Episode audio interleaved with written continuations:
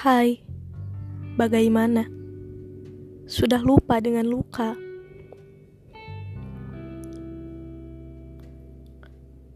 Kita pernah merasakan bahagia hingga berurai air mata. Pernah tertawa bersama, meski berakhir terluka dan kecewa. Terkadang kita berpikir untuk mengobati luka adalah melupakan. Apa pun akan dilakukan untuk menjadi lupa.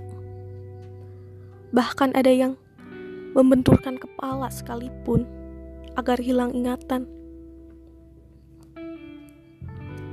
Namun, kita tak pernah sadar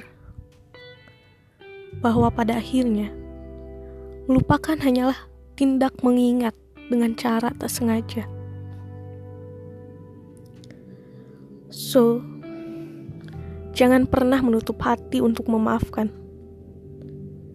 Selagi kita punya nafas, genggamlah erat kebaikan. Kebaikan untuk memaafkan orang-orang yang pernah menyakiti kita. Kebaikan untuk memaafkan diri kita sendiri. Kebaikan untuk segalanya. Maka, ketika tak sengaja ingat, kedamaian hati dapat kita rasakan.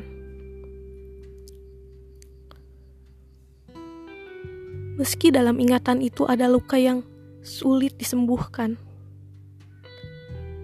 tapi akan ada hati yang mudah memaafkan